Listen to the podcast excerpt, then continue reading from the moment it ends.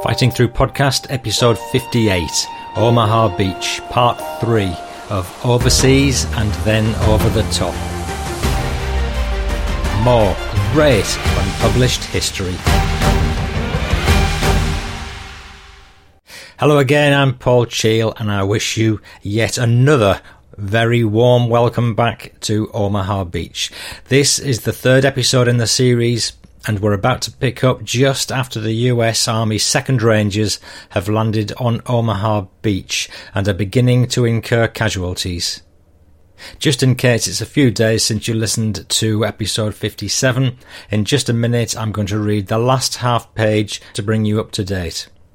As with the last episode, I'm going to crack on as soon as I can with the main event, but I'd just like to thank everyone who's written in or liked the posts on Facebook. Uh, this Omaha memoir has clearly gone down very well, and there's actually a stack more, so I'll do my best to get through the whole thing. Meanwhile, I will apologise to you if you've recently written and I haven't replied yet. It's just that I've got a stack of correspondence to catch up with, and I'll make a start on it as soon as this episode is published. I've had some delightful comments and memories sent in, and I firmly intend to include as many as possible as soon as possible. And here's just a couple of comments from the Fighting Through Facebook page. Nigel Graham said about the Omaha memoir, It's a pleasure to listen to an American who has many happy memories of his time in England, the friendships he made, and the familiarity he struck up with the families he was billeted with. And Frank Papalia said, Maybe it's just me, but the story is fascinating, every second of it. The bonds these families made with these soldiers. The training and preparation and planning. I loved it. So did my little guy. That'll be you, James. I've now got just one shout out for a new young listener. It's a certain Master Toby Gray, aged 10, nearly 12 and a half, who's the grandson of a lifelong friend of mine, Derek. Apparently, he's read Dad's book and is really interested in the war, so I promised him a shout out on the podcast. He's uh, been asking me all about Dad's memorabilia and is even interested in Victoria Cross medal winner Stan Hollis of the 6th Green Howards. Toby comes from Middlesbrough in the northeast, which is where so many Green Howards were recruited from. So, watch your Tobes. I hope you hear this and I noticed that your sister Harriet, aged 13, nearly 16, just subscribed to my YouTube channel where people can find a number of videos linked to the podcast in some way. If I'm allowed a favourite, then it's a Paul commentary on the Stan Hollis statue just outside Albert Park in Middlesbrough, where I used to go roller skating with my mum and sister when I was about your age. I hasten to add, I skated in the skating rink, not around that brilliant Stan Hollis statue. So, hello to Harriet Gray as well. Bye bye for now. Moving on. I can't not comment on the sad passing of Dame Vera Lynn, who did so much during her inspiring lifetime. I'd like to share with you a tribute paid to her that I picked up on a Facebook page by All on the Board. That's all one word. Here goes. Dame Vera Lynn, 1917 to 2020. You will always be admired. Your songs will always inspire. Entertaining the troops, forever you'll be the force's sweetheart. A true icon and a hero, giving us hope and raising morale. Through life's dramas you truly played your part. During our darkest hours, your wonderful voice let us know that we'd be okay. The strength and support that you gave to the nation will never be forgotten. Rest in peace, Dame Vera Lynn. We will meet again some sunny day. That's Facebook at All on the Board. There's a link in the show notes. And as a little postscript, to just one of many of uh, Dame Vera's songs, The White Cliffs of Dover. Apparently, it was written by Americans, and hence the reference to bluebirds over the White Cliffs of Dover. And uh, we don't actually have bluebirds in Britain, so there was a certain poignancy about the song for me, given our close friendship with our American allies.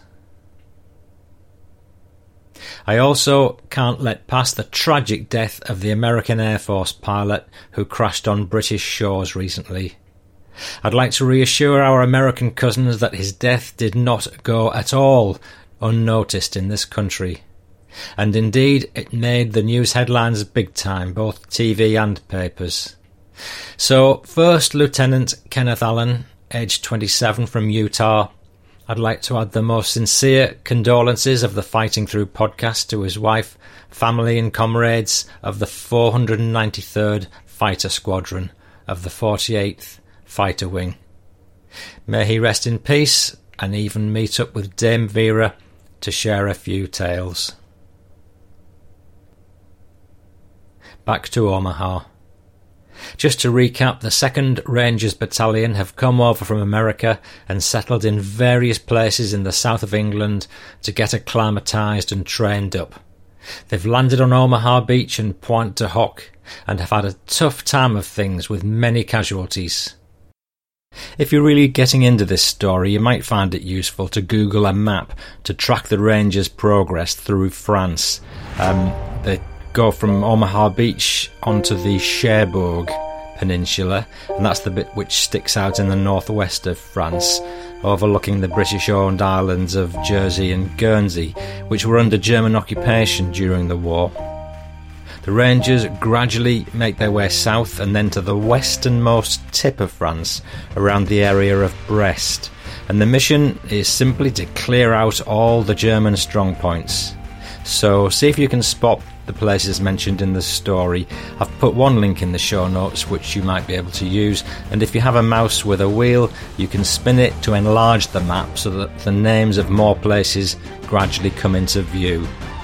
To help you with spellings, I've also included a few of the key names in the story in the show notes as well, so that should make it easier to find them. So here goes with the next helping of American adventures from the memoir Overseas and Then Over the Top by Private First Class M. Prince, written in 1948. And here's where we left off in the last chapter. Other soldiers plus rangers were now running and dashing about with those rangers out in front. We were getting closer to the enemy, and already some of our boys were assaulting their positions. The popping of hand grenades and the flashing of bayonets put an end to many a Chinese activity. Tanks which had floated in on the beach began to give us covering fire and neutralised a strongly encased enemy machine gun position that was covering the beach you couldn't help but admire the cleverness and the stratagem of the Jerry defences. They'd built their lines well, taking advantage of the commanding terrain and using a skillful system of camouflage to conceal their defences. We'd been under their observation at all times, while we had difficulties in locating from where they were shooting at us. Rangers were beginning to assault the hilly defences of the enemy using automatic weapons, rifles, hand grenades, and other arms that they'd been equipped with. There was no stopping us, though enemy fire was taking its toll. Teamwork plus individual ranger initiative was driving the enemy from his covered position. Prisoners were being taken, but not for long. We didn't have the time and men for them. Anyway, we couldn't bother with them. Once we'd gained a foothold on the hill, we were in a position to flank the enemy strong points. Another hasty reorganisation was effected.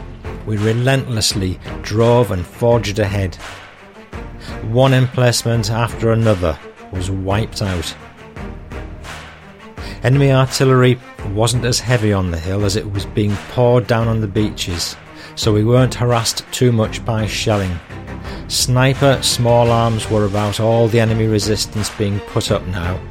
A few of our combat patrols quickly took care of that.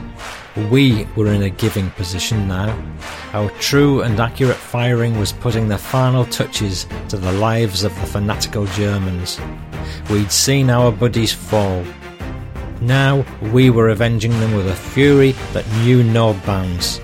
We were unmerciful and cruel, but he who lives by the sword must die by the sword. Individual heroism was being displayed on all parts of the battlefield. Medics were doing yeoman service. Wounded men were dragging wounded men to safety. Brave men went gallantly to their graves, storming impregnable positions. Everyone was doing his share and more. I could easily write a volume on individual accounts of bravery. I'm only sorry that I haven't the time and space to do that here. I'd like, though, to recount one story of heroism which should set an example. Not that more was done, but it's such a story of human sacrifice that I would like to relate it. It's about our commanding officer, Captain Rafferty, who was killed in action in the line of duty.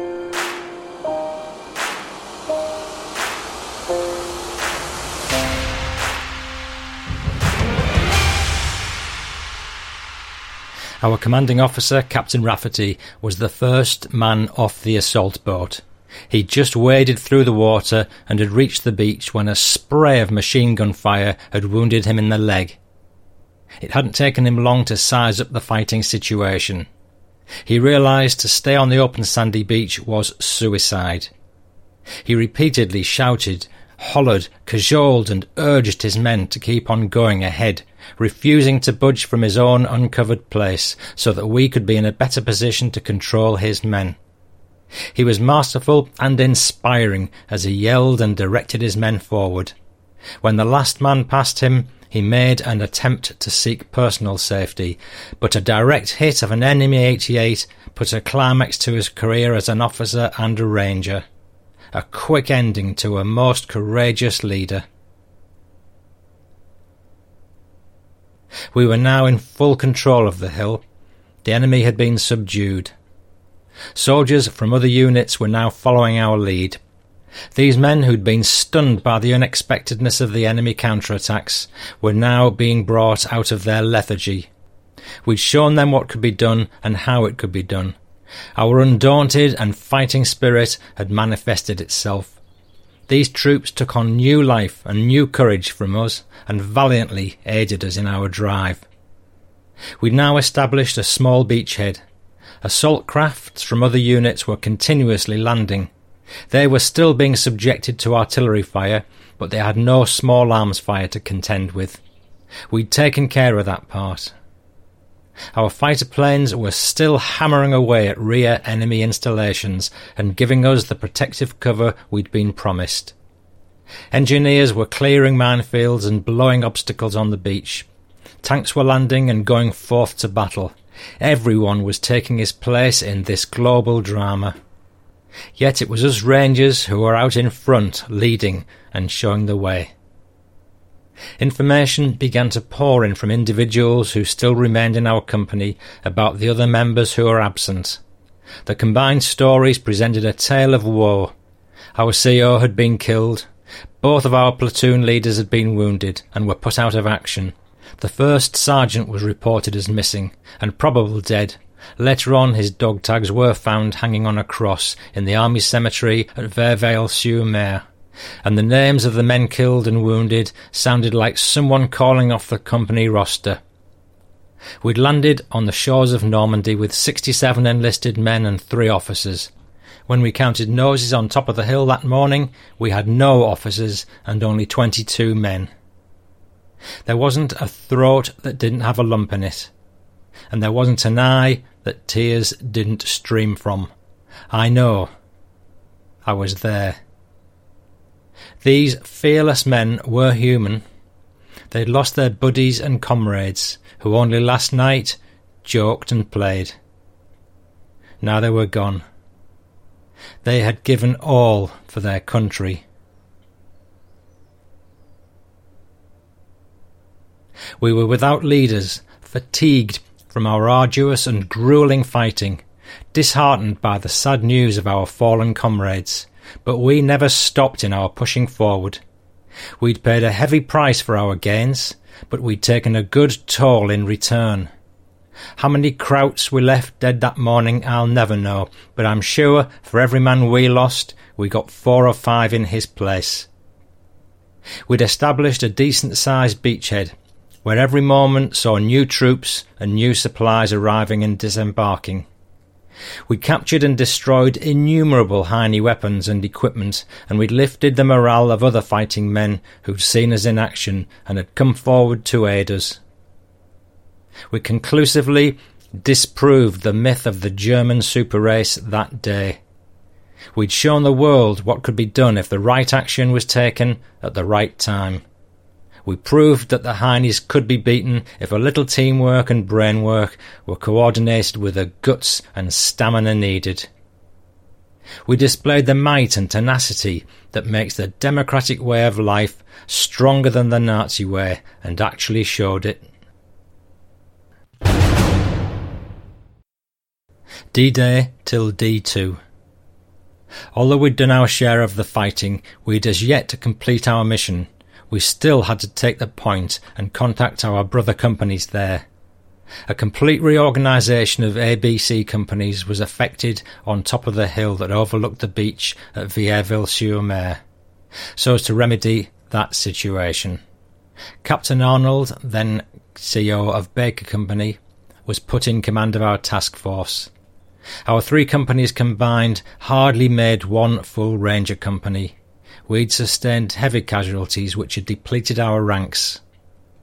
We formed on the coastal road which led to the point. We took up the approach march formation and continued our line of advance. Our plan for taking the point was a simple one. We were to follow up this coastal road until the road junction which led to the point was reached. Here we were to do a flanking movement and assault the enemy in a frontal attack. Our order of march was Able Company to lead off as Point, with Baker and Charlie companies in support, while elements of the 116th Regiment, I think, was to compose the main body. To this we had the direct support of four tanks which were to be directly under our control. It was now getting on in the afternoon. The weather was moderate and rather cool for this time of year. I hate to think how much more miserable would have been had that day been one of those hot June days. What with all our running and fighting we'd done, we would all have been worn out to a frazzle, and we'd never have been able to keep up our attack. We started out cautiously, feeling our way forward. Enemy artillery was now falling intermittently into our positions, causing casualties here and there. Our company escaped unscathed. We ran into sniper small arms fire as we approached the coastal town of Vierville-sur-Mer. Our point and combat patrols took that situation into hand. A house-to-house search of the town was inaugurated by these fighting teams, which cleared out all enemy elements and cleared the town of snipers. Our procedure was steady but tedious, so that darkness was beginning to envelop us before we could advance further outside the town. A halt was declared, while a conference by our leaders was held. Combat patrols were sent back to contact friendly units to our rear and flanks. It was decided that we'd set up bivouac for the night at a road junction down the road a couple of hundred yards away. We holed up there for the night and took up defensive positions. We were all tired and fatigued as we hadn't rested once during the day. We'd been up since 3 a.m., continuously fighting and forging ahead. We dug in for the night and set up a hasty perimeter for the all round defence of our area, which consisted of strong points and outposts. Our patrols, meanwhile, had returned with negative information concerning the enemy. G2 reports that were handed down to us weren't exactly what the doctor ordered. We were told to hold ourselves ready for an enemy counterattack of tanks and foot troops, which was expected to come that night. There we were, just a handful of men plus a few tanks which had established a bivouac in a field across the road from us. Now, tired and weary as we were, we couldn't get to sleep, as that night a million and one things plagued our minds. Chiefly, what happened to our companies at the point? How were we going to repel the enemy when he counter-attacked? What about the enemy shelling? These and other questions ran through our minds that first night on French soil. We'd been most fortunate in that all day not one enemy airplane had been sighted. We did have one alert, but I never saw the Jerry planes and didn't see any counteractions taken. But now, under the cover of night, the Luftwaffe began to sally forth to administer death, destruction, and damage. Their target being the dormant navy that still lay vengeful and protecting off the French coast. Also, they were out to destroy all our gains and installations on the beach itself. From our vantage point, we could clearly view the scene as our beach and naval defences put up a brilliant barrage that turned the night into day. We could ascertain distinctly the bursting of flak, and we could follow the flight of the parabolic machine gun tracers as they made their way skyward. The huge searchlight beams, as they crisscrossed in search of the enemy menace, formed weird designs in the skies. Bombs were being dropped on our vessels at sea, and we could clearly view the great splashes formed each time the bombs struck the water. Thanks to the strength and effectiveness of our anti aircraft defences, the enemy lacked the correct precision to score a direct hit. I didn't see a bomb come close. The raid ended as quickly as it had started. All then became quiet and dark. Ghostly silence hung over the land with eerie unnaturalness. We were now alone on guard by ourselves at our small outposts, waiting and expecting. We strained our eyes to the utmost to pierce the inky veil of night. The slightest noise or movement was a certainty to bring us to stark attention and alertness. Our nerves were on edge we were entertaining the report of an enemy attack, and we were making sure that we wouldn't be caught off guard and off balance. Dawn came, and still no attack. We were beginning to feel the relief that only light can bring after spending miserable moments in the gloom. I don't know why it is, but the fact is ever present that the soldier doesn't mind dying in the daytime. But come the night, with its mist and darkness, there comes along with it man's natural fear and dread of this unknown dimness, and causes him uneasiness and terror. Artillery shelling had been fairly negligible that night, so that no casualties were sustained by us. That morning, when we formed to move out, our fighting strength was unchanged. We advanced forward using the same approach march formation as of yesterday. We advanced cautiously, making use of all the natural cover that the terrain afforded us. We encountered some sniper fire, but once more our combat patrol took care of that danger. Every house which was in our zone of action was thoroughly searched and made certain that no enemy lay hidden therein. Information was gathered by the friendly French civilians, but most of the information gained through this source was of small use to us, as it was too unreliable. During our march, we received the opportunity to study and to reconnoitre for the terrain we were fighting over. Although we had some knowledge forehand from our aerial and ground map studies what the ground would look like, this gave us a chance to ascertain for ourselves what it really was. We could notice the level playing fields, which were all hemmed in by the hedgerows of Normandy, the many apple orchards and grassy fields where cows were grazing on, especially those areas where Achtung Minen signs stood posted and were surrounded by barbed wire. We were barely crawling along, moving at a snail's pace.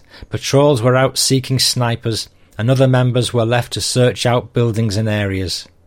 We were very cautious, as many signs pointed that the enemy had been here very recently. We wanted to make sure that we didn't fall into any of his traps. Intermittent artillery fire also limited our speed. We had to seek cover several times. We knew speed was essential if we were to aid our brother rangers on the point. We tried our best to expedite matters and to speed things along.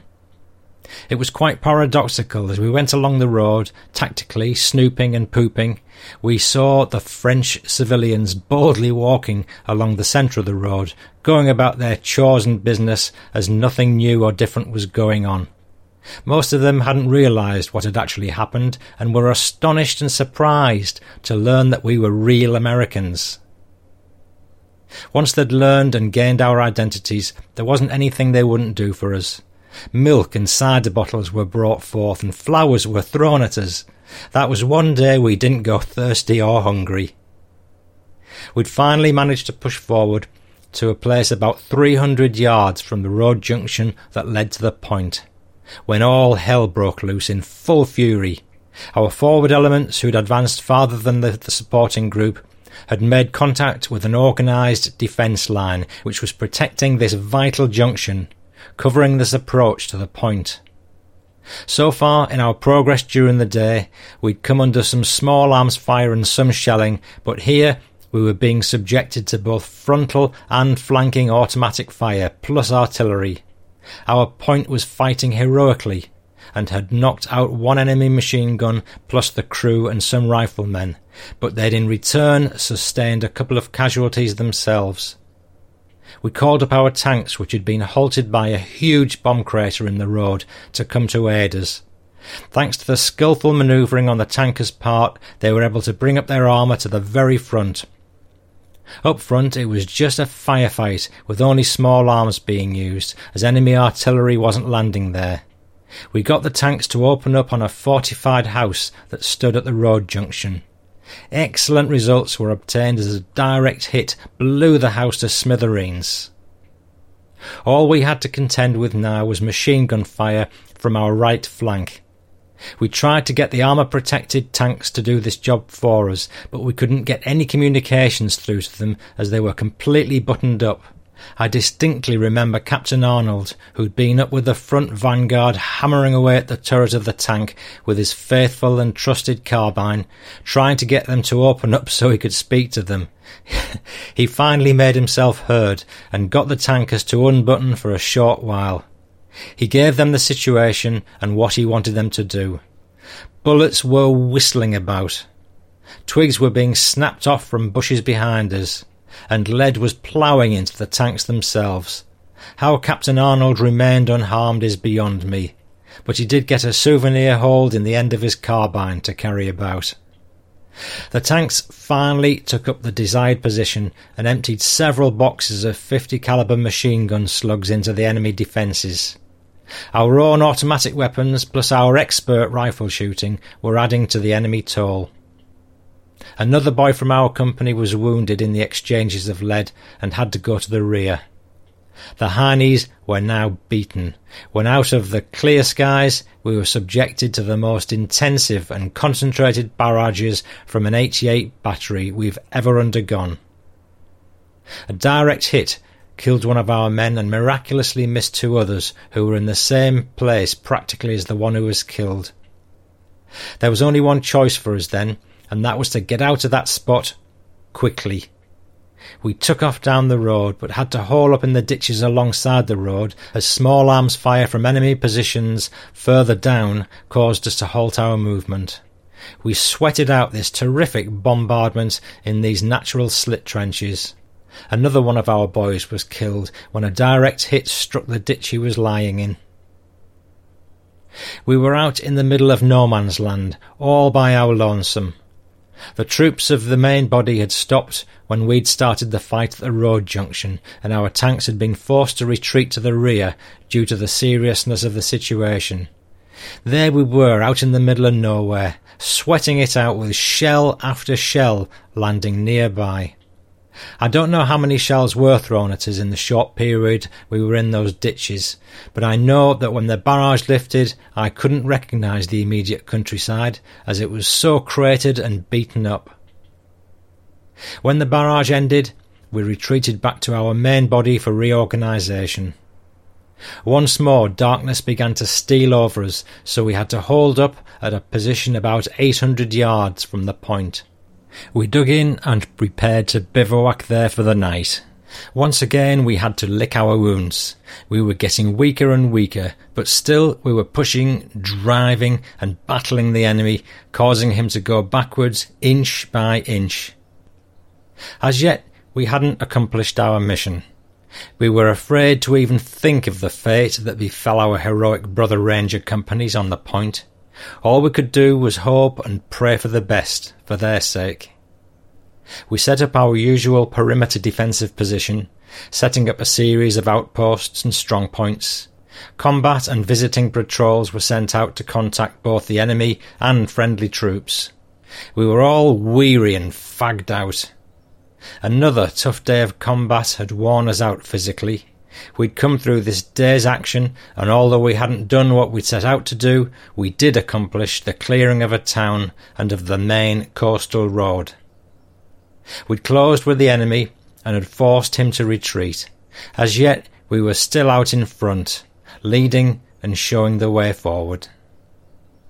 Information which reached us about our rapidly expanding beachhead and of the continual disembarking of troops, supplies, and vehicles buoyed up our spirits. We knew we weren't fighting by ourselves now, and that we were being backed by the greatest fighting machine this world has ever seen. That night we ate our K rations, dug our slit trenches deeper, and prepared to pull our guard. We tried to get a little rest while on post. We were set for another imminent enemy counter-attack. Our minds again were filled with any number of unanswerable questions. I couldn't help but go over the cruelties and bestialities I'd seen and others had suffered. I thought, why couldn't people in other parts of the world live in peace with themselves, as the folks back in America do? There was no need or necessity for this outrageous and hideous war, this unnecessary shedding of tears and blood. D2 till D9. The second night spent on French soil was passed in pain and misery. We were all under great strain. Our arduous fighting of the past couple of days was beginning to tell on our tired and worn features. We were anticipating an enemy attack, and we thought surely one was in the coming. None did come, though. It was cold that night, colder than we'd expected it to be. We weren't equipped against this frost, so besides having to sweat out the jerrys, we had to endure a night of coldness. Once more, under the cover of darkness, the Luftwaffe came forth to bomb our beach and naval installations. Once more we had a front row seat to scan the spectacle of this battle, to watch as anti-aircraft defence put up a brilliant display of fireworks. No bombs landed in our immediate area. We hoped that once more our boys had warded off this danger without too great a harm done to them. No artillery or small arms fire bothered us that night, so when morning came, we again took up the approach march formation to contact our ranger companies and take the point. This time, our advance wasn't to be halted.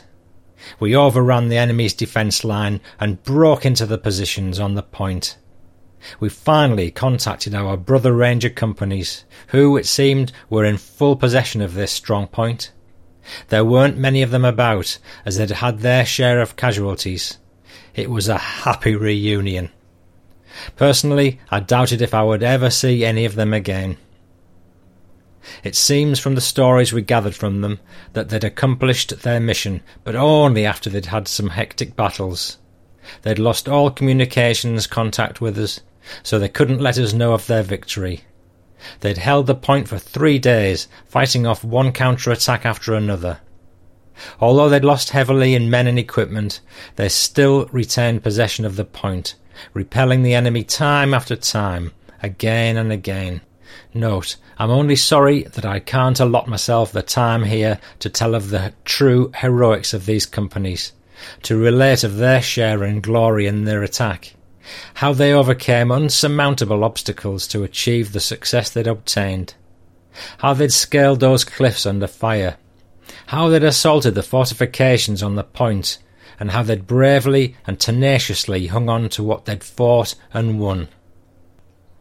I offer this piece as a salute and as a tribute to these brave Ranger companies for their gallant role in this invasion. This time, our battalion underwent a complete reorganisation. There'd been men who'd been listed as missing in action, but somehow or other these men turned up. One company gained five such men. These Rangers had got themselves separated from us, but had attached themselves to other units in our zone of action and had fought side by side with the soldiers from these other outfits. Now they were back, back to the organisation they were an integral part of. It was good seeing them, as up till now all men that were listed as missing in action were presumed to be lost to us forever. Our company finally got itself an officer. Up till now, our sprite first platoon sergeant, Technical Sergeant White, had been in command of the company.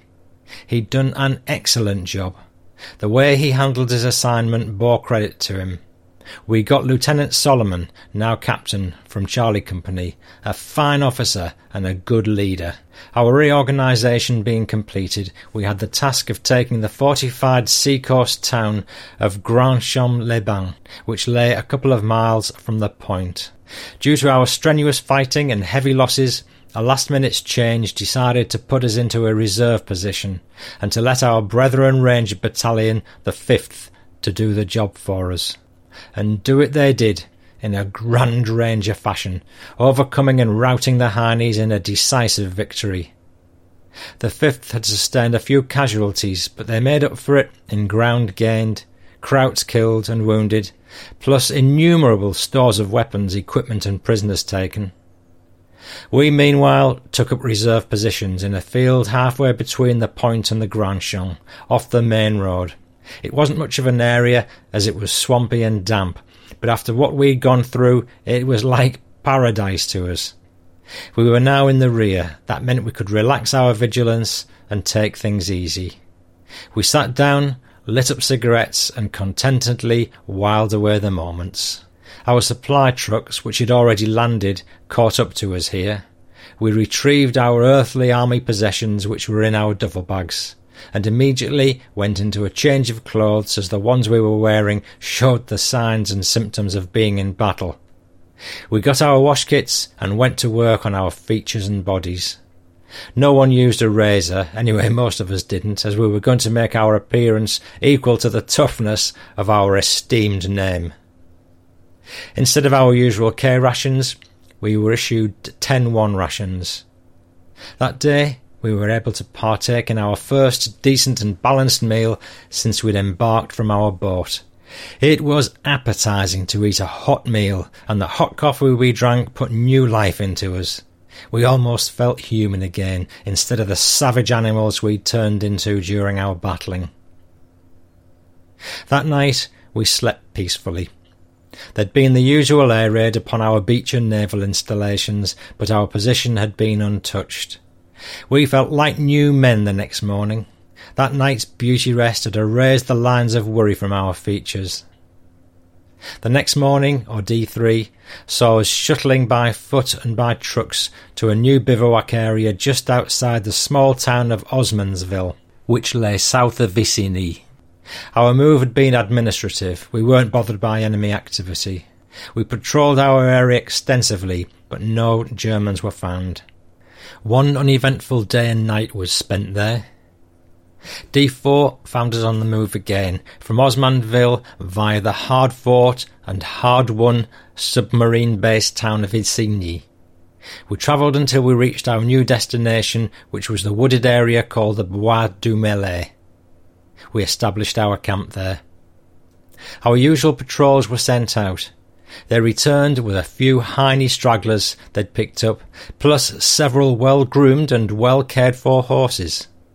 The Jerrys were sent to the proper authorities to the rear, while the horses were kept for our own amusement and pleasure. From here on, the Rangers took on the aspects of being a cavalry outfit, with every able bodied man taking his turn riding these animals. Our colonel had other thoughts, however, He'd liked the way we'd functioned as infantry soldiers, so we had to rid ourselves of the horses. We gave them to the civilians in the vicinity, but only after a barter had been made. We got meat, eggs, butter, cider, etc. in exchange.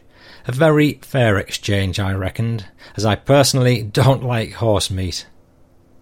We remained in this reserve area for five days. The only cause we had for sweating was a nightly visit from the Luftwaffe. Luckily for us, our area remained untouched by that danger, but our nerves were frazzled every time the drone of the enemy engines were heard overhead.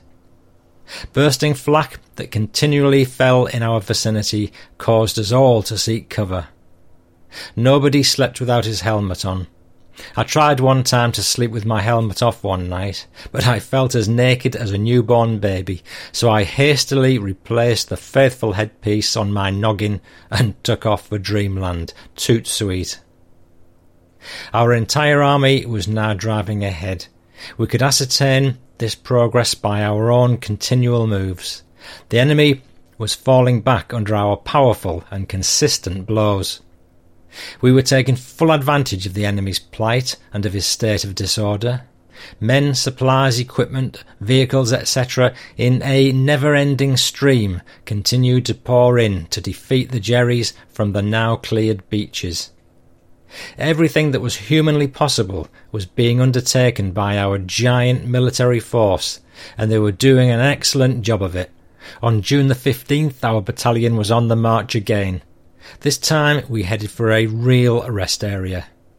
Our destination was the outskirts of Colombières. It was to be here that we were to shed our old warthogs and pick up new ones. Colombières. For the first time since our assault landing on the beaches of Normandy, we were to have an administrative mission. We were now in a rear area.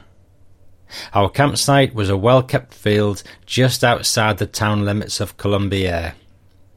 Our area was surrounded by hedgerows, so we built our new homes under the concealment of this natural camouflage, so as to hide us from enemy aerial reconnaissance and bombings. Cows used to graze right in the midst of our area, so we had no shortages of milk. The apple orchard that lay across the road from us saw that we had something extra to eat besides our rations. All in all, we were well supplied as far as hunger and thirst were concerned. Our company's strength on arrival was pathetically weak. We had one officer and twenty seven enlisted men, plus three extra characters from headquarters hardly enough men to form a good sized platoon. This accounted for the reason we were here, as our battalion was to be injected with new life and new personnel. We received our first batch of recruits the third day we were there. They were a fine group of energetic looking specimens. These men were all volunteers and knew what they'd let themselves in for. They had been carefully selected and chosen by our staff officers, who'd given each a thorough interview. They had been physically tested and found to be in the best of condition, and their service records were unblemished. They'd answered all the Ranger requirements. Each of them had the makings of a true Ranger, so we began to make them feel at home. So, with all these extra men and officers, we boosted our strength to nearly double its size. It was like getting a booster shot in the arm. It was good to look around and see their fresh, eager faces, to feel the new vitality they'd brought with them, and which they injected into the company. We also had a change in leadership.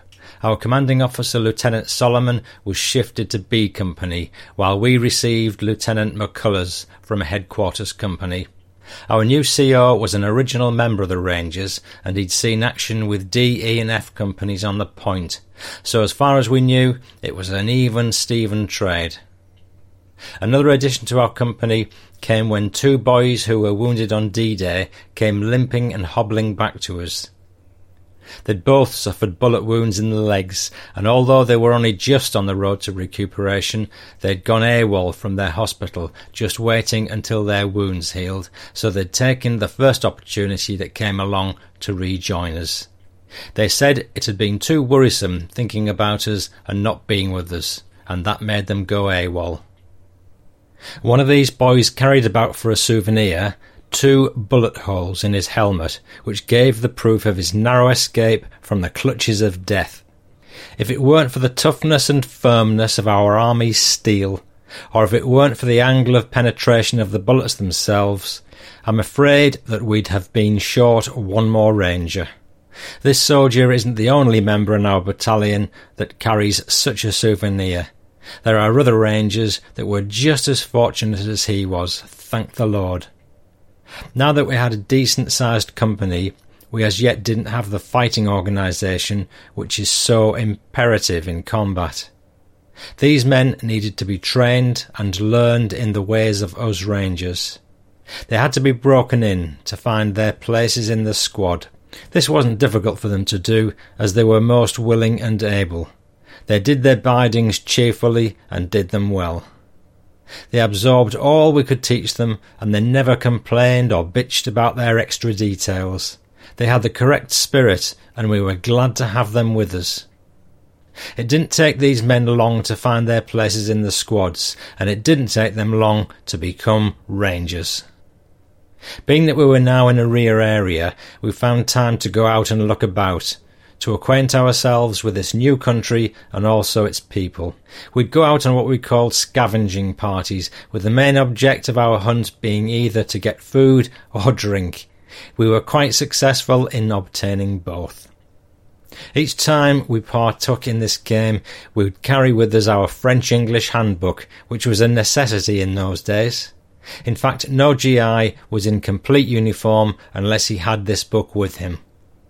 The book was most handy in overcoming the linguistic handicap which stood between the French people and us. On these forages we became friendly with the civilians, and we began to learn their customs as we picked up many French phrases. We acquainted ourselves with their foods and learned the taste of their drinks.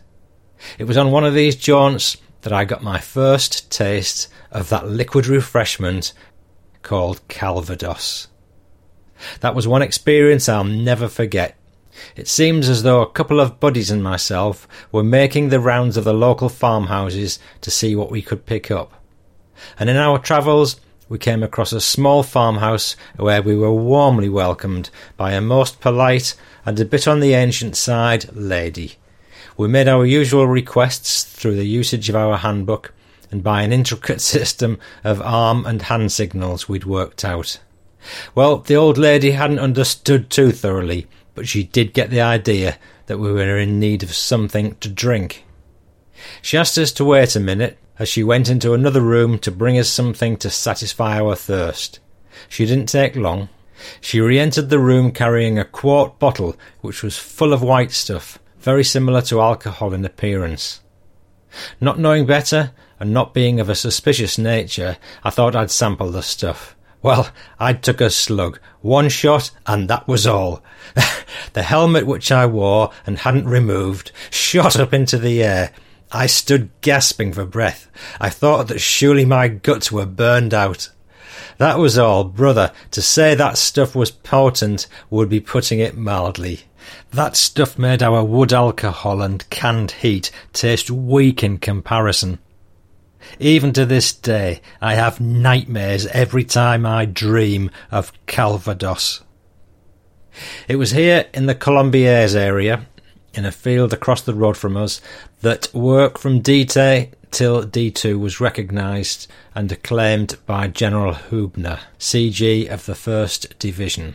It was here we won and gained ourselves the honour and distinction of being awarded the famed Presidential Unit Citation, which every Ranger so proudly wears on his right breast. It was here that the General personally pinned certain high decorations and medals on individuals in our company and in the battalions who'd so justly earned them.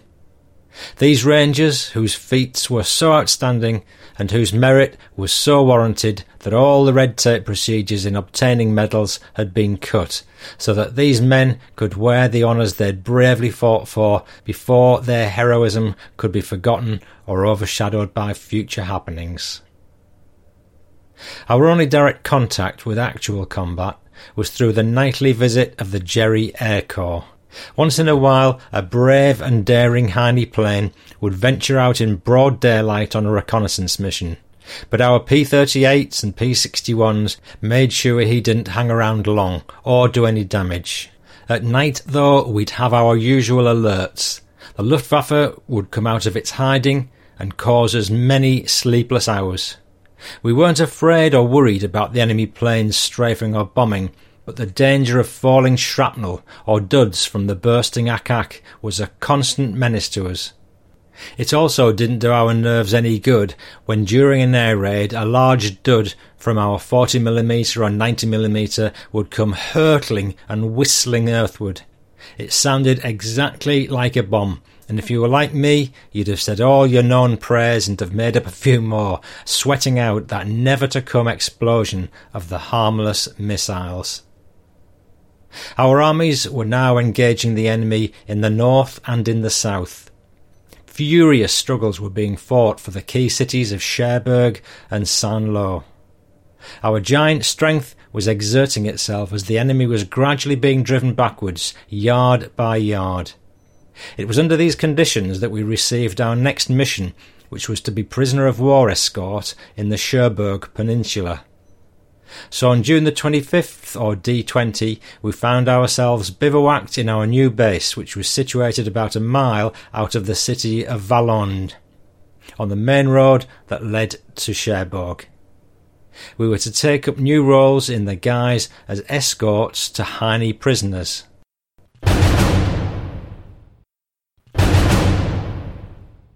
Chapter 4 Prisoner of War Enclosure, Valognes.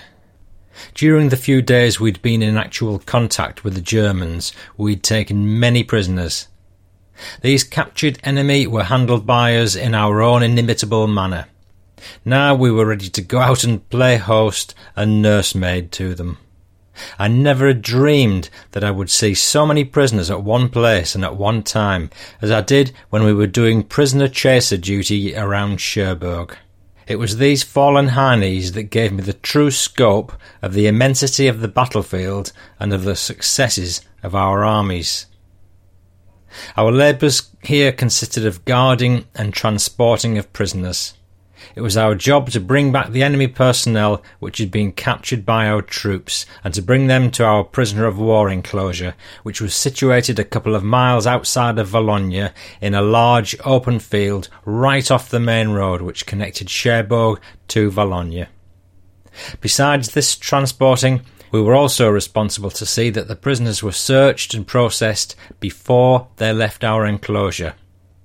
Once inside the barbed wire pen, they were out of our hands, as then the job of guarding these birds fell in the hands of the military police. All we had to do was to make sure that these prisoners got there and to gain all the available information from them as was possible from our interrogation. Our prison pen was a plain affair. All it was was a large open field enclosed by barbed wire fences. At every corner we had a platform where a light machine gun stood mounted, and a guard stood prepared to use this weapon if necessary. There also was a lighting system that made our area look like Broadway and Times Square when night fell. This was to mark the place for what it was, and to give warning to the Luftwaffe not to bomb their own men. The enemy was taking an awful shellacking in this area as our phones continuously buzzed and rang, giving us the notice to take the excess prisoners off the outfit's hands which were on the line. God only knows how many trips we had to make and how often. Transportation by truck was being overdone, so some of these journeys had to be made by foot.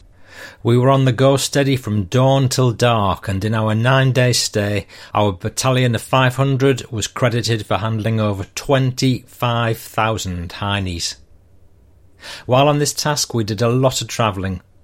We visited all the various parts of the battlefronts to obtain our prisoners, and also we had to transport the excess Heinies from our cages to the rear enclosures. Therefore, we got the opportunity to see and to note the destruction and damage which this modern warfare had wrought.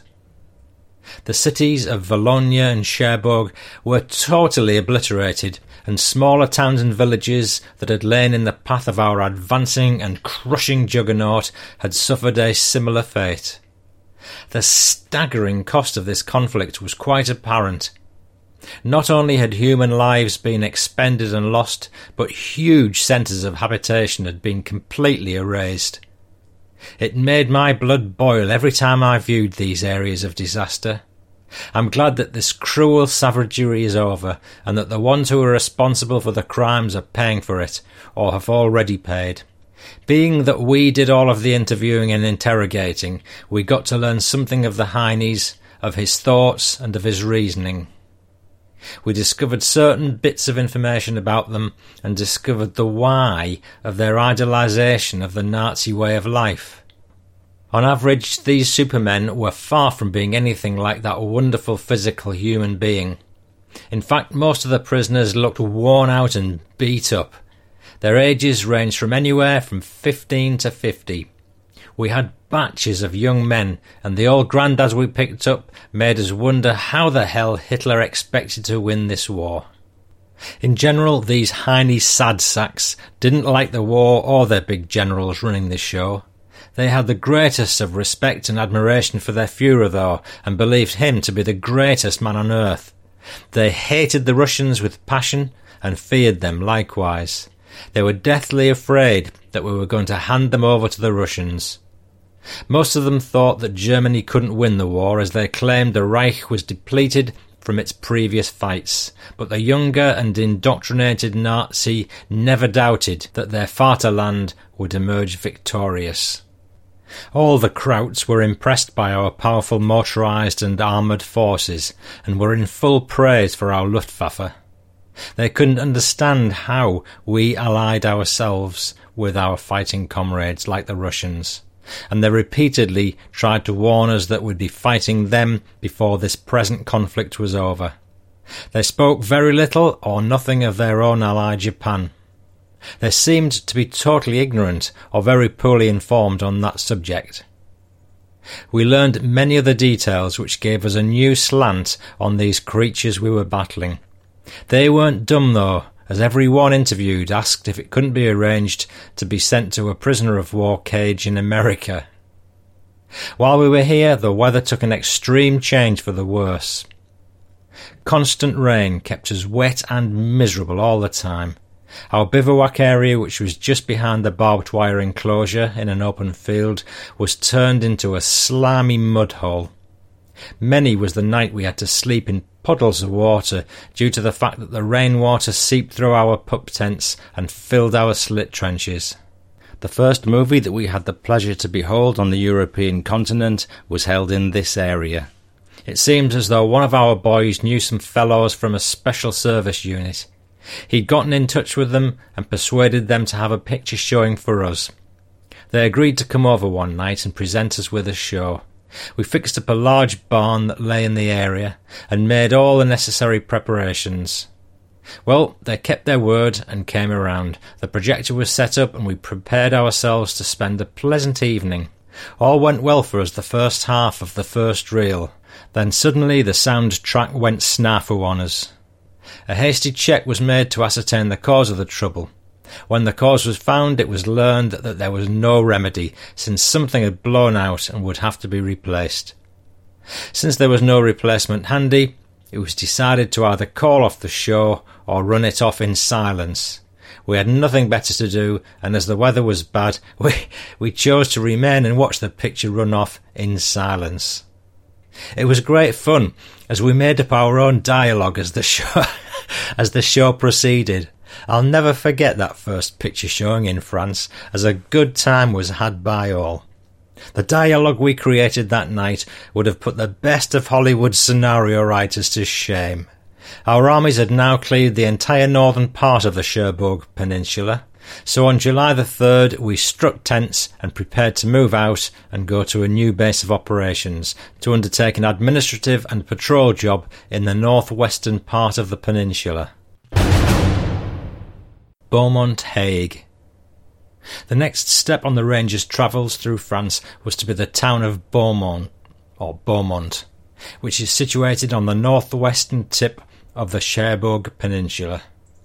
It's the part of the peninsula that juts out into the English Channel like a crooked finger and faces the Channel Islands of Jersey and Guernsey.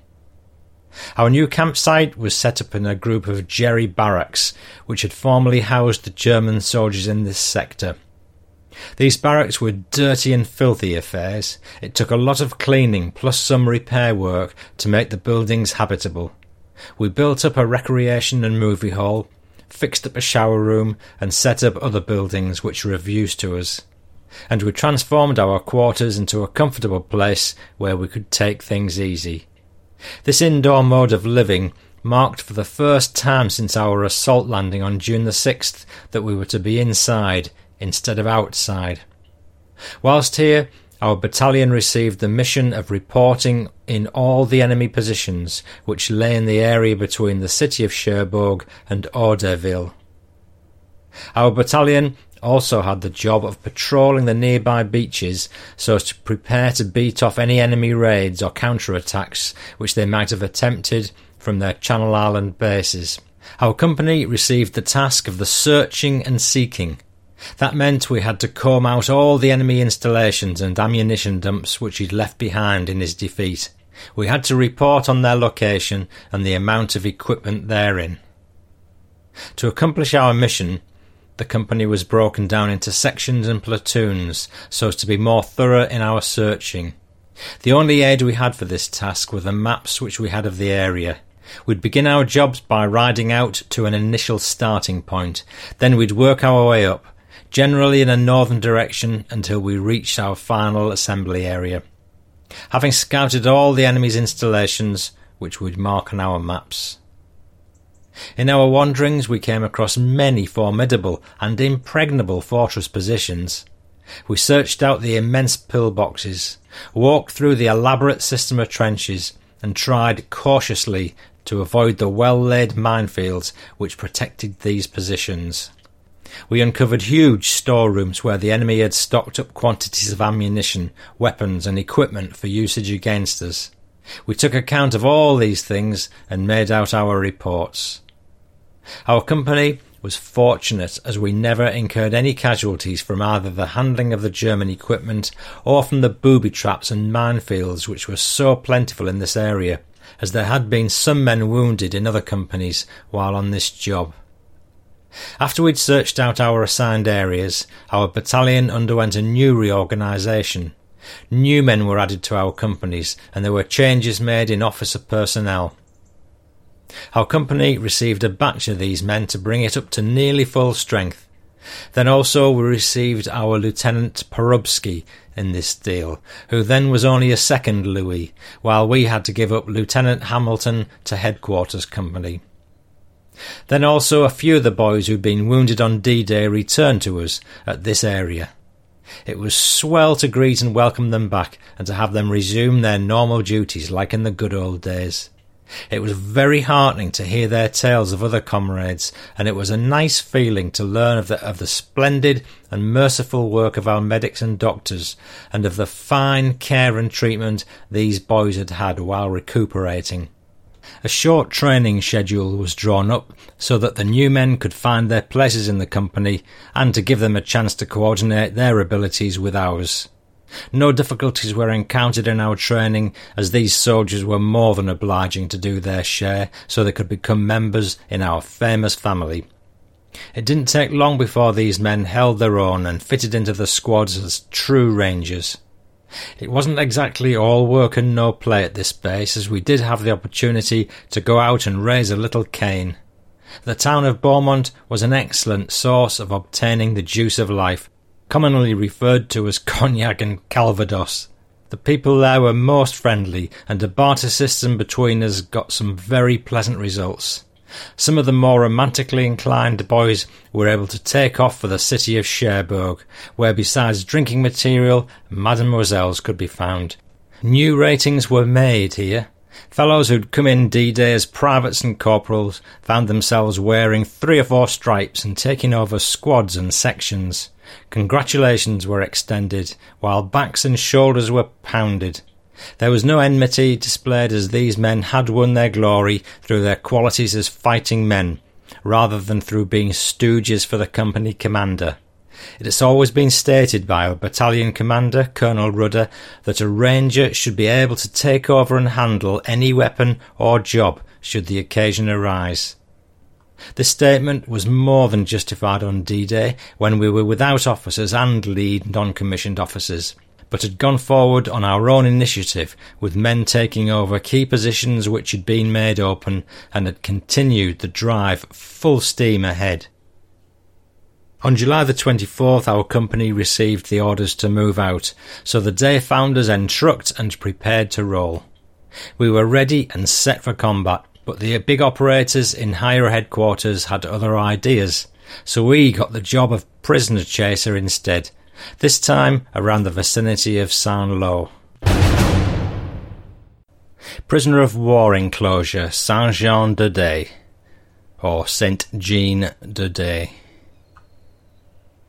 Our armies were engaged in a desperate struggle for the great cities of Coutances and Avranches in the southwestern part of the Cherbourg Peninsula, and for the important city of Saint-Lô. In the heart of Normandy, we took up our duties as prisoner of war escorts at Saint-Jean-de-Daye.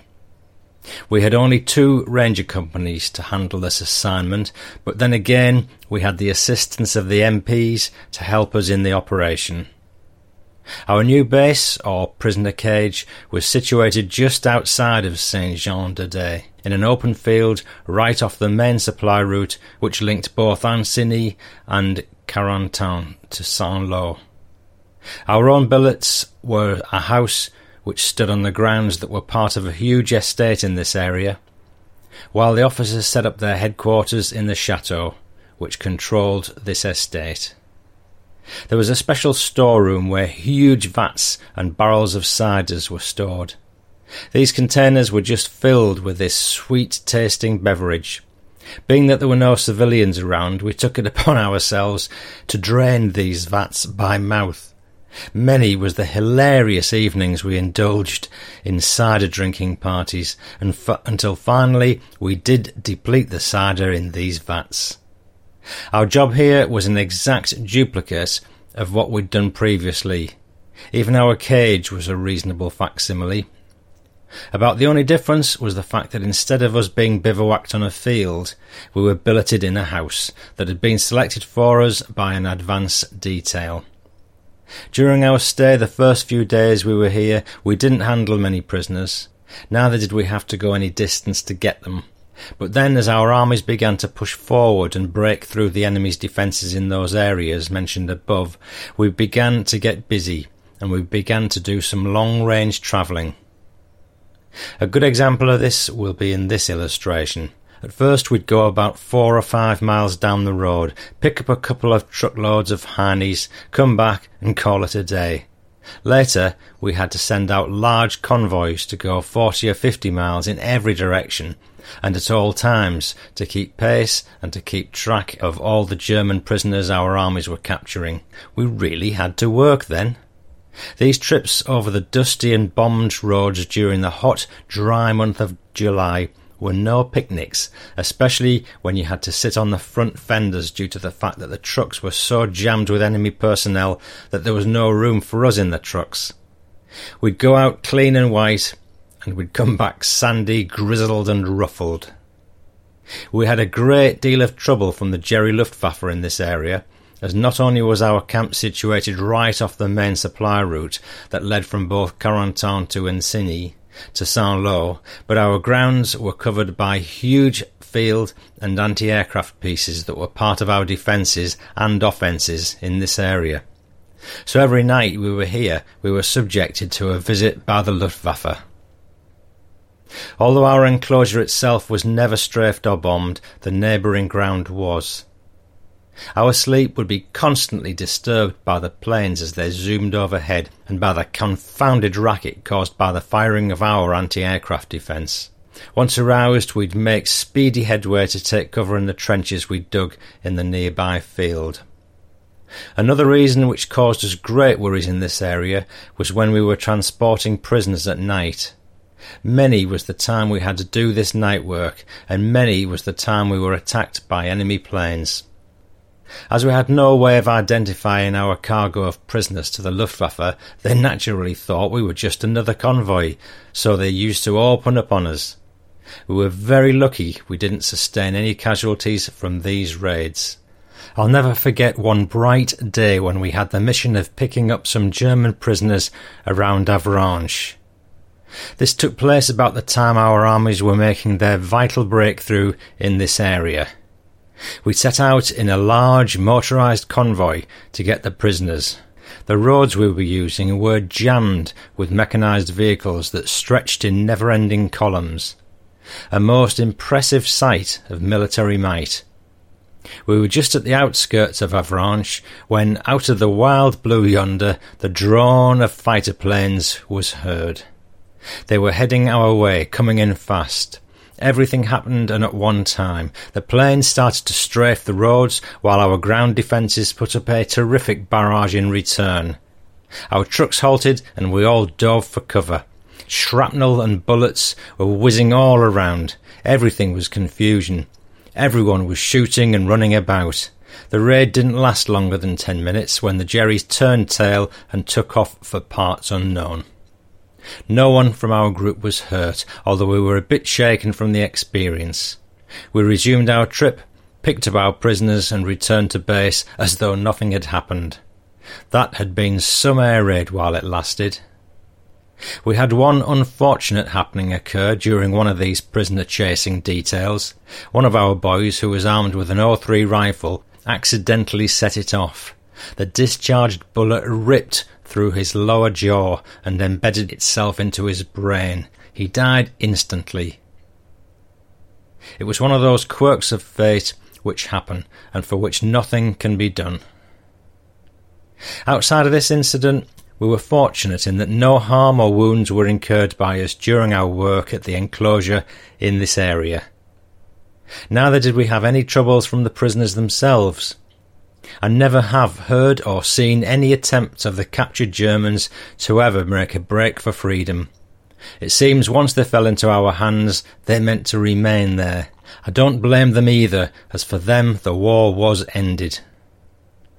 Our morale and spirit during our stay at Saint Jean de Daye was of the highest quality. Prisoner of war escort duty had many good features to it that atoned for the perils of the mission. All our details and dirty work were done for us by the prisoners. They dug all our sump holes and trenches, did our KP, and kept our billets clean. Because we did all the searching of these characters, we were able to pick up many souvenirs and insignia from them. We confiscated and kept for ourselves the gadgets which weren't allowed the prisoners and which weren't of military value. Another morale booster came when Lieutenant Edlin rejoined the outfit. The lieutenant had recuperated from his wounds incurred during the D-Day landing, and now he was back. It was good seeing his homely face again. Besides this, it was always heartening to know of the rapid progress our armies were making in their struggle against the Wehrmacht. We could tell this by the amount of prisoners that kept rolling in, and by the amount of territory that fell into our possession. It felt good to know that our armies were meeting the Germans on their own battlegrounds and were literally knocking the daylights out of him. On August the 4th, we received word to pull stakes as our job here was now finished. That day found our derrieres parked as comfortably as was able on trucks assigned to us. We were now ready to journey to our old home ground at Beaumont, where we once more could undergo a battalion reunion and reorganisation. That day, seventy men and four officers rode their vehicles while they gabbed and joked about past experiences and discussed plans for the future. Beaumont, Hague again, Mortain and Mayenne. For the first time since we'd crossed the Channel, our company was over strength in personnel, so that when the battalion reorganised back at Beaumont, our company didn't have to undergo any changes. Our second stay in this camp was to be no longer than three days, as events were happening too fast, while we were too far in the rear to retain the required pace with the actions of this war of movement. We didn't do much the three days we were here, as there wasn't much to do, we were awaiting orders which were seen to come down to us. Our armies at this time were engaged in two gigantic offensives and were operating successfully in both. One was the giant pincer encirclement drive around the Mortain and Mayenne sector, while the other was the superb cutting off movement of the entire Brest Peninsula from the rest of the French mainland. Our new mission was to bring us to the Mayenne battle area. So on August the 7th, we were seated in our respective vehicles, ready to go forth to engage the enemy in combat in that vicinity. Our truck convoy moved south using the main roads as much as was possible. We passed through many a shell torn town, and the amount of jerry equipment and vehicles we saw lying in the ditches alongside the roads gave proof to the violence of the campaign and gave us the warning symptoms of our nearing the battlefront. The end of the first day's ride found us bivouacked in the vicinity of Canisy. Our campsite was laid in an open field enclosed by hedgerows just outside the town. A defensive setup was rigged up, and preparations were made to spend the night there. An uneventful night was passed. Outside of the usual Luftwaffe raid, all was quiet and silent. No enemy action was noted or reported. A couple of bombs did drop in a nearby field, but no harm or injury was sustained by us. Perhaps our nerves didn't fare too well, and maybe a few grey hairs were sprouting on some of our heads from this bombing, but that was part of the day's work. Two more full days were spent in this area. Nothing new occurred, and outside of the enemy's nightly air action, no enemy activity was seen or heard. Our next move brought us to the town of Bouet, which lies just south of Mortain.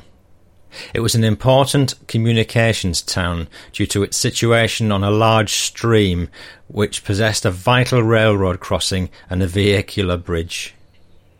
Our entry into this town was greeted by an enemy barrage of both artillery and mortar fire. I suppose faulty or poor enemy observation saved our hides as we suffered no casualties. That night the Luftwaffe had us really going for cover. The bombs felt pretty close, and the shrapnel of the ack on their earthward journey had us all diving for our holes. No artillery fell in our position that night. The following morning, on August the 12th, found our battalion relieving a battalion of the 116th Infantry, with the task of defending a vital bridge and also protecting a river crossing northeast of Mayenne. We also had to be on the lookout for Heine stragglers and small enemy units which had been bypassed by our forward elements. And it was also our job to see that they didn't infiltrate our front lines and rejoin other enemy units, and to make sure that no sabotage or rear echelon destruction was done by these krauts. We took up a defensive position on a piece of high ground that faced towards Mayenne, as we were right off the main road that led from Bouet to Mayenne. Combat patrols were sent out continually to secure and clear the grounds about us. For all of our hunting, snooping and pooping, all we got for our labours were three Heine prisoners who were ready to call it quits anyway. For five days we stayed there, we thoroughly searched and combed the area for the enemy, but neither hide nor hair could be found of him. The enemy had left this part of the country, and had left a bit more hurriedly than we could pursue him.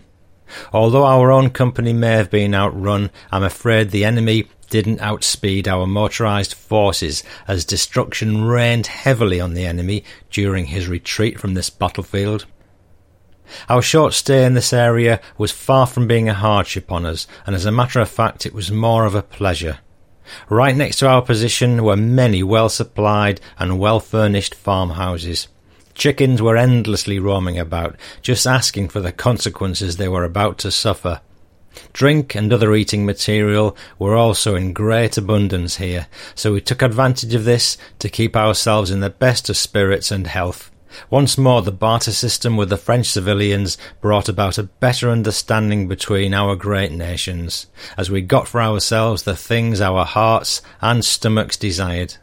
After our five days of life on the farm, as that was all our setup here turned out to be, we prepared to board our two and a half ton trucks and set out to make a journey that was to take us to the Brest Peninsula. Our tails were getting that flat shape that one can only get from too much familiarization with this form of travel, but we didn't mind that as we were off for new places and new adventures. There isn't anything that tickles a ranger's fighting palate more than to go forward and find new friends to make and new worlds to conquer.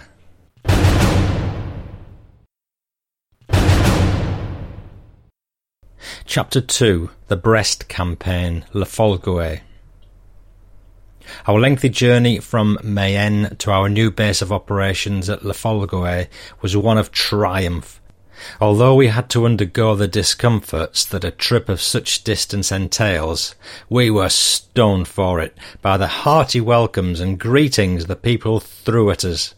At each town and village, the civilians would line up along the streets and cheer our progress through their communities. They were heart-rending affairs and did us all good to behold these spectacles.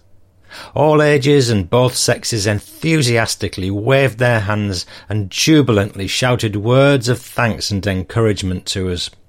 Flowers and fruits bedecked our vehicles, and every time we halted, the good old cider or wine jug would come into play.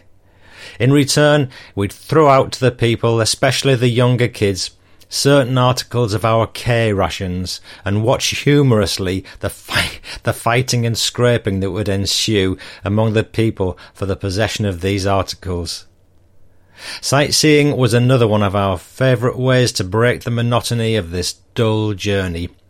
We could view the scenery and note the similarities and contrasts between Brest and Normandy. About the biggest difference appeared in the towns and houses. Whereas in Normandy everything was scarred and shell marked, in Brest all stood in their picturesque finery, seemingly untouched by the ravishes of war. After some twenty hours of continual riding, with only time out to stop for regassing, we reached our destination at La Folgoët. We were all tired and fatigued from our journey, but our spirits were never better.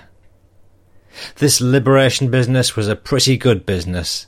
It made us happy in thought that all our strife and fighting were being appreciated, that these people were conscious of the fine meaning of freedom, liberty, and democracy, and were showing us their approval for our aid in bringing to them these principles and ideals that they'd lost four long years ago. Our new bivouac area was to be a large open field just outside the town. It was a pleasant and ideal spot to pitch our tents. The levelness and cleanness of the pasture gave promise for athletic fields, while the nearby town of Le Folgoët gave added promise that wine and women might be found. Both promises were fulfilled. While the front-line units of the 8th Corps were battling for the commanding terrain approaches that held the key to the city of Brest, we became the reserve troops of corps and took up our duties as such. A light training schedule was drawn up for us with stress put on map and compass work and section problems. We kept ourselves physically fit by doing physical training. The road marches we took made sure we stayed in the pink. We, we played lots of sports, with softball being the dominant game played. Evenings were spent in the usual manner, card games for the men who could afford to gamble, while bull sessions and letter writing kept the others busy. A few of the braver men sneaked into town and found amusements in the wine they drank and the women they danced with. On the whole, life functioned and went on here in a general and monotonous army manner. On August the 21st, our company received a combat mission. It wasn't supposed to be more than a motorised patrol, so it was decided that the first platoon would be able to handle the assignment by itself. Their task was to contact units of the 8th Infantry Division, which was on line in an area east of Saint Renan, and to scout out a distance to their front. Early that morning, the platoon started out taking with it one two and a half ton truck. They encountered no trouble and made contact with the friendly units online. Arrangements were made so that the platoon would scout out the front.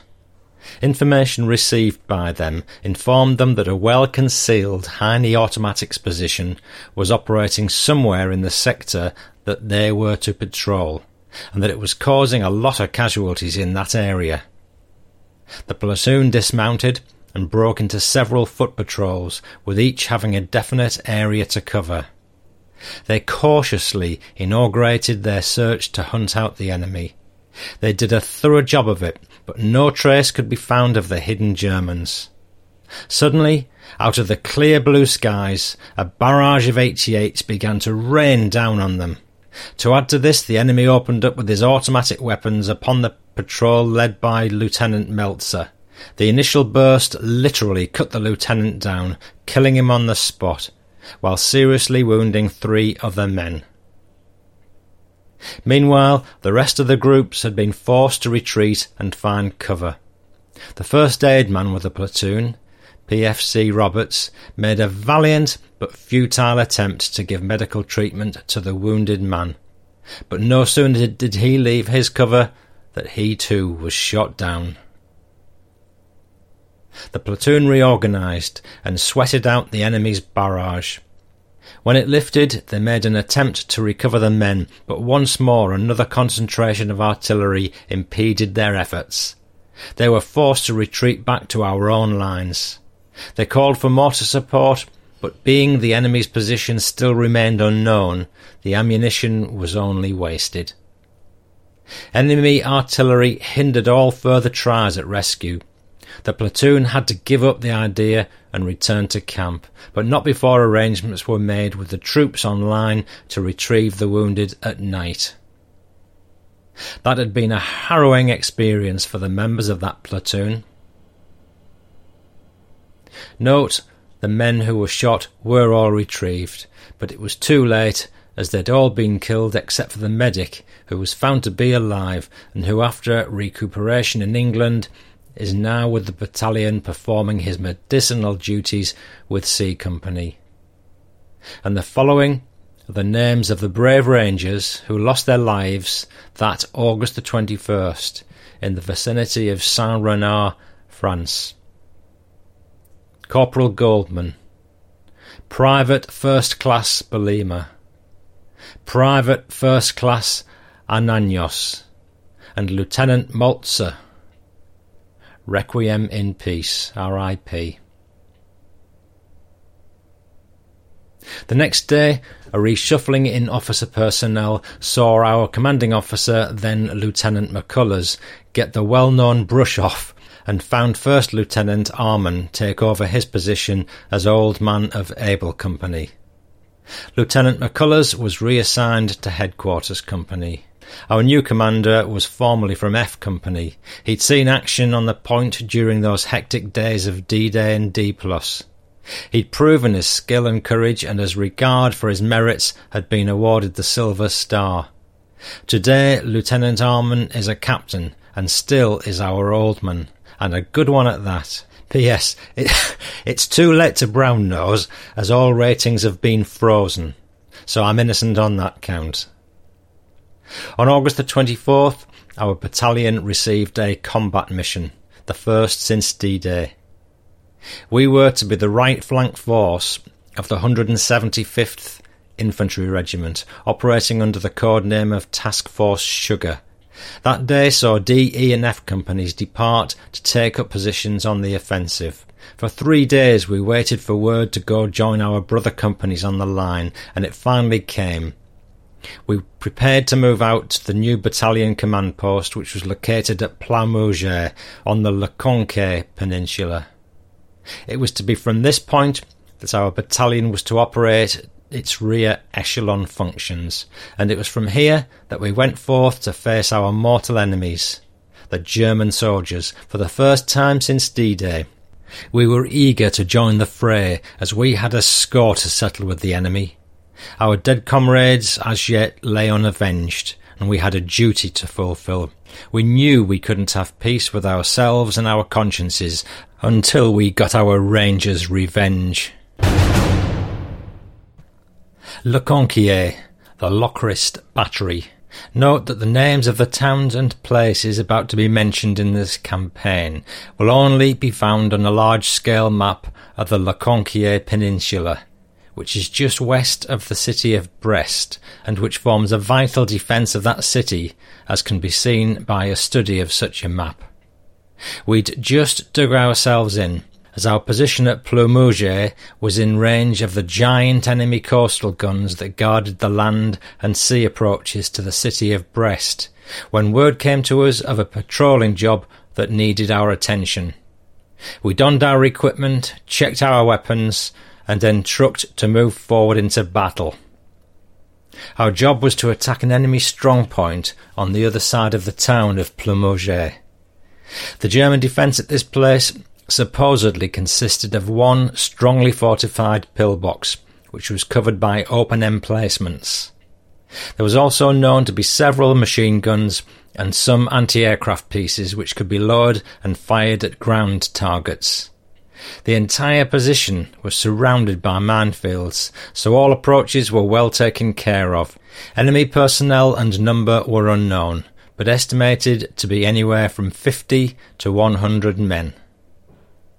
We were supposed to pull this job, finish it, and return to our base at Ploumoguer, but future doings surely proved the gross untruth of that statement. For once we left our headquarters, we didn't return till fifteen days later, when we'd cleaned out the entire Le Conquet Peninsula, and had silenced the gigantic batteries of Lochrist which then left the city of Brest undefended from all western approaches and left it very much susceptible to attack from that flank. In our mission, we were to be abetted and aided by Charlie Company, who took up positions on our right flank by the supporting half tracks of our HQ company. And then we had a group of the FFI, the French Forces of the Interior, whose main labours consisted of establishing roadblocks and protecting our rear during our advance. We detrucked at a point several hundred yards away from the enemy's strong point. We then advanced forward on foot until we reached our line of departure. Our company strength at this time was 66 fighting men and three officers a heavy concentration of fire from the 75mm SPs of our headquarters half tracks and of Charlie Company's mortar initiated our jumping off. We crossed our line of departure under this protective firing. Enemy artillery was negligible, while small arms fire was absent. We advanced in section column, with the squads within the section leapfrogging forward. Enemy resistance was light as we began our attack. We made slow progress as we took advantage of every bit of cover and concealment Mother Nature had afforded us in this sector. Our mortars and self-propelled 75s kept up their firing. The enemy returned with only small arms and some depressed anti-aircraft fire. No casualties were sustained. We were now advanced to the edge of the minefield. Our forward scouts were trying to probe their way through to make a path for us when the Jerrys were seen waving a white flag. A truce immediately followed, and the enemy surrendered to us, unconditionally. We picked up a total of seventy odd prisoners, which we shared with Charlie Company. Innumerable rifles and other weapons were also picked up, and all the artillery pieces destroyed. The Harneys were then sent to the rear. We took up a defensive position in this vicinity. Patrols were sent out to gain information and to contact the enemy, but no positive information was obtained. We set up here for the time being and prepared to spend the night. We'd done a good day's work, and now we were readying ourselves for tomorrow's labours. The following day found us on the go again. This time we had another enemy's strong point to attack, but in the vicinity of Trezier. It seems as though the enemy defence in the area consisted of strong points and outposts which were the first line of defence of the Graf Spee batteries at Lochrist. They were strategically situated so that each position covered one another and that each had communications with the other. They were fairly widely scattered, so making our task of picking off these outposts or strong posts one by one simple. Our tactics and approach to the second tiny position was very similar to the methods used the day before. We advanced under our covering fire of our mortars and self-propelled. Our own automatic weapons gave us the final protection we needed. We advanced cautiously, taking the utmost advantage afforded us by the hedgerows for cover and concealment. Again we'd worked forward to an assaulting position when a white flag was seen flying from the enemy pillbox. Another unconditional surrender added 94 prisoners to our bag, while nine Jerrys were left behind, mortally wounded from the short battle which had ensued. We sent the prisoners to the rear, checked the booty, and destroyed all the equipment we had no need for. Once more we could pat ourselves on the back for another good day's hunting, and we could thank the good Lord that once more we'd suffered no casualties. We set up our usual defences and prepared to spend the night here. Patrols were sent out on reconnaissance, but little information filtered back to us that was of any value. Rations and water were brought up to us, so we readied ourselves for the next day's task.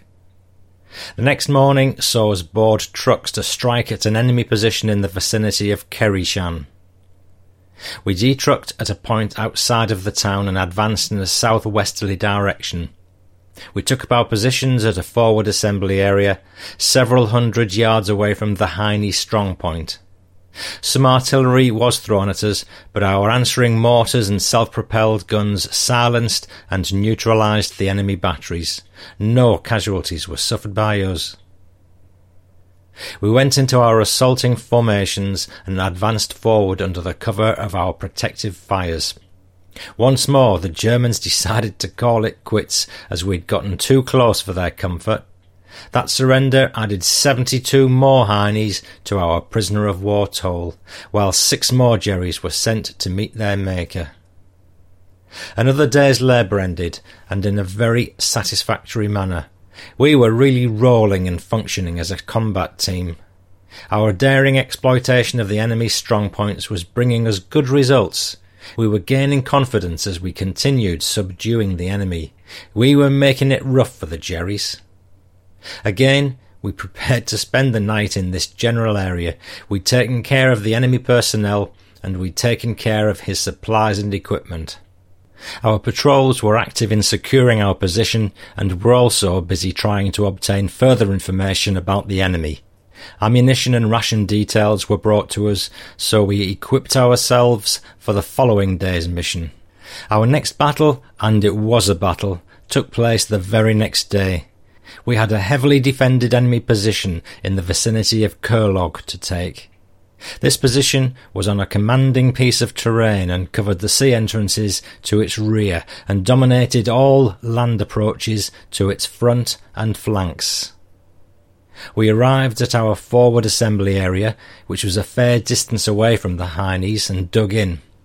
Artillery began to fall about us. Our own mortars and self-propelled guns began to open up, but to no avail, as this strong point was of a determined nature. We received the word to attack, so we took up our assault formations. Enemy artillery and long-range machine gun fire had us well dispersed and hugging the earth pretty closely. We continued our advance, miraculously avoiding casualties, until we reached a covered position about 400 yards away from the strong point. We had to hold up here as the terrain to our front was absolutely devoid of natural concealment, and it would have been suicidal to make an attack under the conditions that confronted us.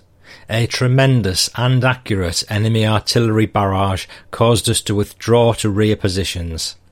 The enemy observation was excellent and it had all the advantages that a well defended position entails. We began to jockey backwards and forwards trying to get into closer range, but the heavy concentrations of both artillery and automatic fire caused us to keep low most of the time. We sustained casualties when a mortar shell wounded two of our boys. They were treated on the spot by our first aid man and later evacuated to the rear for hospitalisation. When night fell, we were no better off than when we first started out. We were entrenched in positions which ran along a dirt road running parallel to the Heinies. We were about 500 yards away from the strong point. A miserable night was spent here. Rations and water detail were a dangerous mission in itself. Airbursts and machine gun fire had us all sweating and praying. We were really getting a taste of combat and we were beginning to feel the ugliness and dread of mortal conflict. We picked up two enemy stragglers that night. They'd casually strolled down the road, hands above their heads, and had given themselves up. The following morning saw us in the same position, only this time we were on the defensive. We'd called for our heavier artillery in the rear to give us supporting fire, and we got the help of our fighter planes to neutralise the position for us. Grand performances were turned in by both branches of service, but the enemy refused to quit or give up. It was up to us, the ground troops, to rout him out of his pillboxes and elaborately dug in positions, and we tried our darndest to do just that. Again we resumed our assaulting positions, but once more accurate and heavy shelling caused us to proceed with caution and to hold up. The enemy possessed the key terrain features in this area, and he was making the best use of it. He also had the material and personnel with which to hold on to his advantage. The enemy continued to hold us off at arm's length all that day. We couldn't jockey into a position to close with him. So when evening fell, it was decided to haul up in our original positions and spend the night there. Combat patrols were sent out and contact with the enemy was made. Heavy return fire from machine guns and mortars drove our patrols back and caused them to withdraw. Another night was spent in anguish as we sweated out probable enemy patrols and counterattacks. Combat fatigue and general weariness was beginning to tell on us. A lack of a decent diet was also leaving its marks. The cold summer nights didn't add to our comforts or boost our morale, and continual shelling by the enemy wasn't exactly the most pleasing thing in the world for us. The next morning, or on September the 2nd, 1944, we left Kurloge. We'd decided to give this job up as a bad one for a while. We had other positions to take care of, a hasty decision was formed to destroy the other German installations on the peninsula and return to this position after it had been completely isolated, so that we could attack from another direction and flank instead of frontally as we had been doing. This grand stratagem turned out to be the best piece of brainwork turned out by our staff in this campaign. Our next sector of battle was to be in the vicinity of Trebabu, We'd left one section of the company to contain the enemy strong point at Kaulog, and to divert his attention from the real attack our company was planning to make in this other area. We effected this by pulling out under cover of our artillery and entrucked our vehicles from a rear position. We rode to a point outside the town limits of Trebabu, and here we detrucked and went into an approach march column. Our entry into the town was heralded by sniper fire, but our advance guard took speedy and prompt action against them, and in the ensuing fight killed two Heinies. We continued our line of advance until we ran into an enemy patrol. We escaped unscathed, but killed five Jerrys and captured two for our troubles. We then halted and took up a defensive position in this general vicinity.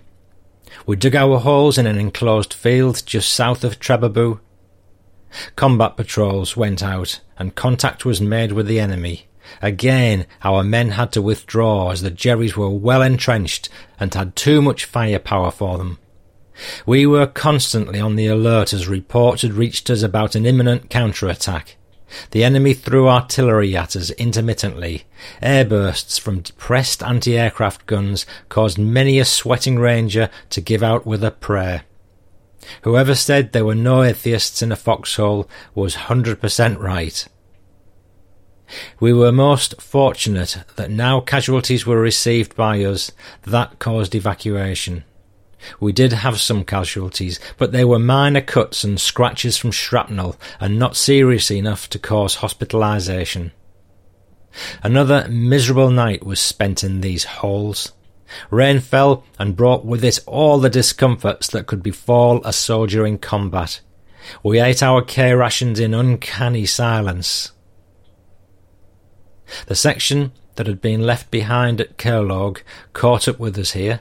They had accomplished their diversionary mission quite successfully, so they attested by the near misses they'd received from the enemy shelling and small arms fire. The next morning found us on the move again. We were minus one section from the second platoon as this group of men became attached to a tank destroyer force that was going to support C Company in their attack that morning. Our company was advancing in a general southwesterly direction so as to keep up a skirmish line with Charlie Company. Our march was interrupted by intermittent resistance from enemy patrols. These skirmishes generally ended the same way. After a short but sharp conflict, we'd overcome these nuisances and continue on our way. Eleven Heinies were left lying dead behind our advance. We took up a defensive position somewhere southwest of Trebabu. We sent out a contact patrol to visit our brother ranger company. Then we formed a consolidated line with him. Combat patrols were sent out, but no contact was made with the enemy. Two expert O3 riflemen were sent out on a job. They were equipped with telescopic sights to snipe out a high ranking German officer who'd been spotted by our men at one of the enemy strongpoints. They took up a position in a tree that gave them clear observation of the enemy. It wasn't until the next day, though, that they got the opportunity to get their man, and get him they did. As soon as the officer came into sight, both men opened up on him at precisely the exact moment and pumped two clips of hot lead into this Nazi officer. They could clearly ascertain their results and were able to report a mission completed. We, meanwhile, were holding our positions southwest of Trebabu all that day and night, as the rest of the battalion was coming up on line with us. We had to wait for them so that a complete and consolidated battalion front could be formed. Enemy artillery and the firing of the huge coastal guns from the Lochrist batteries caused us loss of sleep that night. Every time those giant 280mm opened up, the muzzle blast would actually lift us out of our holes, although we were several hundred yards away from these giant pieces. The shells that sped out of the muzzle of those 280 millimeters could come thundering over our heads, sounding like a freight train on the move. I'm very happy that none of these shells landed in our company's area, although the section which was with G Company had the unpleasant experience of feeling these shells as they landed nearby. That night, the Jerrys counter-attacked on our left flank, Charlie Company bore the brunt of this enemy assault and repelled it. They'd gotten a good support from our artillery as white phosphorus and 105s caused the enemy to disperse and become confused.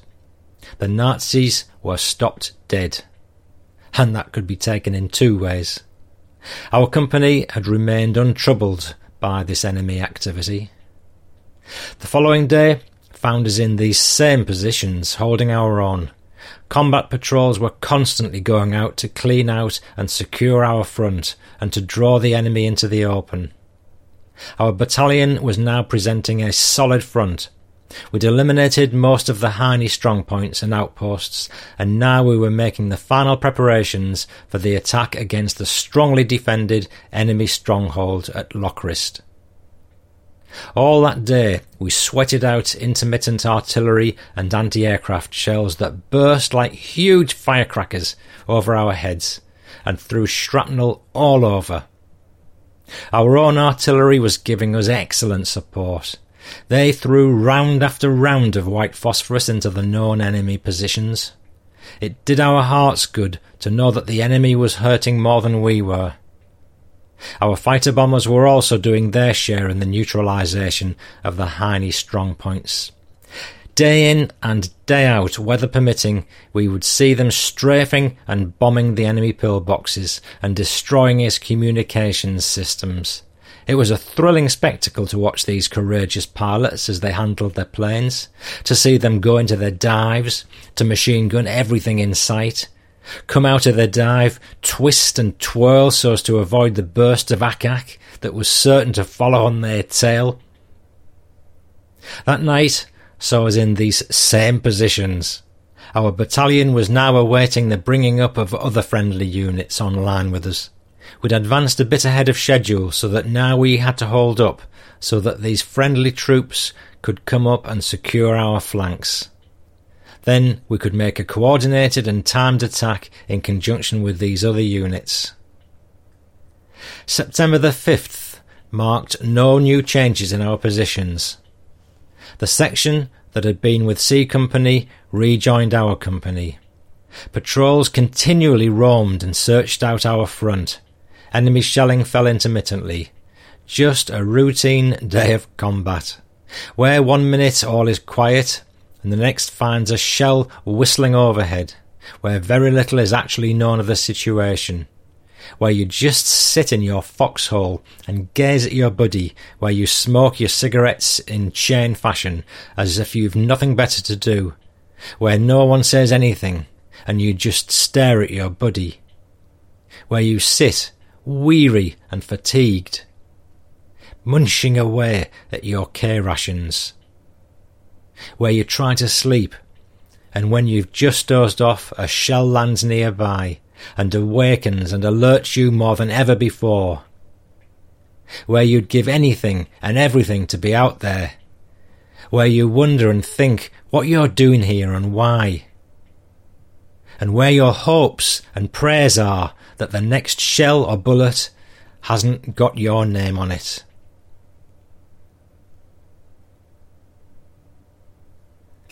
September the 6th found us on the run again.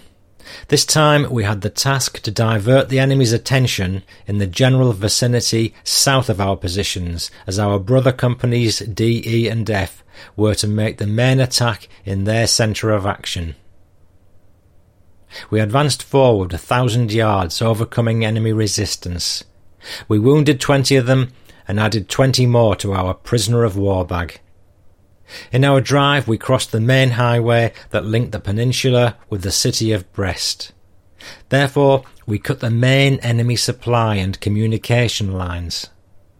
Charlie Company, who was advancing in a similar direction as we were, had likewise success. We then coordinated our gains and consolidated our positions.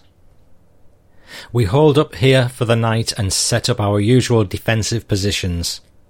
Patrols went out to secure our front and visiting patrols were sent out to contact our friendly units on our flanks. Enemy shelling was negligible in our area. We were now too close to him for his effective use of his larger pieced guns. Luckily for us, those giant 280mm guns couldn't be depressed low enough to cover our area. A sleepless night, though, was spent here as the shells from those large pieces travelled overhead constantly, sounding like a thousand wild horses stampeding. The following day saw our company on the approach march. This time our zone of action was to be in the vicinity of Kerizu, we entered the town and found it clear of enemy personnel. No physical contact was made with the Jerry. We holed up here as other units on our flanks were having more trouble than we were, and they'd been forced to proceed more slowly and with more caution than we'd had to. Again, a consolidation and coordination of our position with friendly units were effected. We were now in the final stages of the actual assault upon the Graf Spee batteries at Lochrist. Final preparations were being undertaken. Artillery and air fighter support were softening and neutralising the enemy stronghold for us. Our own advances had cleared most of the Jerry outposts which had formed an integral part of the defences of the Lochrist position. The next day saw us in the vicinity of Liette. We were in the approach march and moving in a southerly direction. we advanced along the main highway that led from Brest to Lochrist. Enemy action was fairly heavy. Active enemy patrolling had us fighting for every inch of ground we gained. Sharp clashes were quite frequent. We got 54 prisoners for our efforts. Six more Heinies were left behind, deader than the proverbial mackerel. we were fortunate in these skirmishes as no casualties were suffered by our side. That night saw us in an enclosed field, practically under the very noses of the Jerry. Enemy airbursts constantly cracked and burst overhead, and machine gun fire from pillboxes had us all digging deep. We were at the climax of the game. All night we sweated out these enemy barrages. Once more, Lady Luck and the gracious Lord above saw us through. September the 9th marked the finish of our labours and mission in this general area. A combat patrol composed of the entire first platoon and which was led by the platoon leader Lieutenant Edlin, broke into the intricate enemy defences and effected a complete capitulation of the entire battery at Lochrist. A total of 814 prisoners were surrendered to us, and all the coastal guns, artillery, weapons, ammunitions, and supplies fell into our hands. The patrol had originally started out as a full platoon, but then it had broken down into several sections, with one section remaining in a rear covered position to give supporting fire if the need for such ever arose. The four man group, which was being led by the platoon leader, pushed forward speedily. They bypassed a known enemy guard post and stole their way through a minefield. They then came upon and surprised two men in a machine gun position, which they captured without a struggle. While two men were left to guard these Heinies, the lieutenant and the other man, a sergeant, continued on their way. They gained entrance to an underground hospital and surprised a high ranking medical officer there. On the demands of the lieutenant, arrangements were made for this Nazi officer to call up the commanding colonel of the Lochrist battery to come over and talk about surrender terms of the entire position. The colonel, realizing the seriousness of his predicament and knowing his position to be completely surrounded by our forces, obliged by coming over. Some arguing ensued between the colonel and the lieutenant about the surrender terms, but our lieutenant finally convinced the colonel with the expedient of a hand grenade pressed tightly against the colonel's stomach of the folly of not a total, unconditional surrender. P.S. He got it. Meanwhile, the rest of the company had entered the enemy stronghold through another opening and had everything under control. Our own colonel arrived on the spot, and an official ultimatum was given to the Nazis. That afternoon at 13.30, our colonel had the desired official document of the Nazis' colonel. This brought to an end the battle of the Graf Spee batteries at Lochrist. The signing and the officiating of the surrender took place in the little town of Saint Mathieu, which is just outside the Heine strong point of Lochrist. The prisoners were rounded up carefully, searched, and sent to the rear. Innumerable and invaluable stocks of enemy weapons and supplies were found and given over to the proper authorities. We got the opportunity to inspect the position, and we got the chance to note the effects and damages wrought by our supporting branches of service, the artillery and the air corps.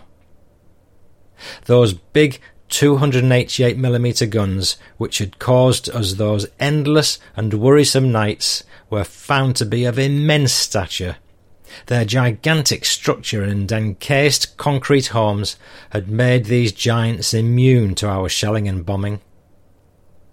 Their large muzzles easily contained our helmets in their openings, and the size of the shell was equivalent to a good sized bomb. These huge masses of steel even dwarfed and made look puny the 155mm guns at Pointe du Hoc in comparison. Our company received the mission that night to guard these positions. It was the first time in two weeks that we could relax our vigilance and take things a bit easier. The tenseness and strain were erased from our faces, and once more we became the joyous and carefree rangers we were, and always will be. Beaucoup de wine and liquor had been found in the vast storerooms in these Nazi positions, so we indulged in this treat and became a bit inebriated with our success. That night we slept in peaceful bliss, with slight interruptions from the heavy snoring of those who'd partaken too freely with those liquid stimulants. Although we'd taken care of the main Nazi defences on the Conquet Peninsula, we still had one more job to do. That was the taking of the position at Kerr Log, which had stymied us the first time we'd attempted to take it. Now we were in a position to attack from any direction or flank that we desired. For now, we'd completely isolated this strong point by our decisive victory at Lochrist. And there, my friend, I'm going to rest and take a little break before we delve in any deeper to the next exploits of our valiant bunch of Rangers. Um, I think the action we're experiencing and the insight into what they got up to when they weren't busy dodging bullets is just fascinating, and uh, this memoir continues to please, I must admit. So, there we go. Um, no PS this time. I'm Paul Cheall saying, Toodle Pip.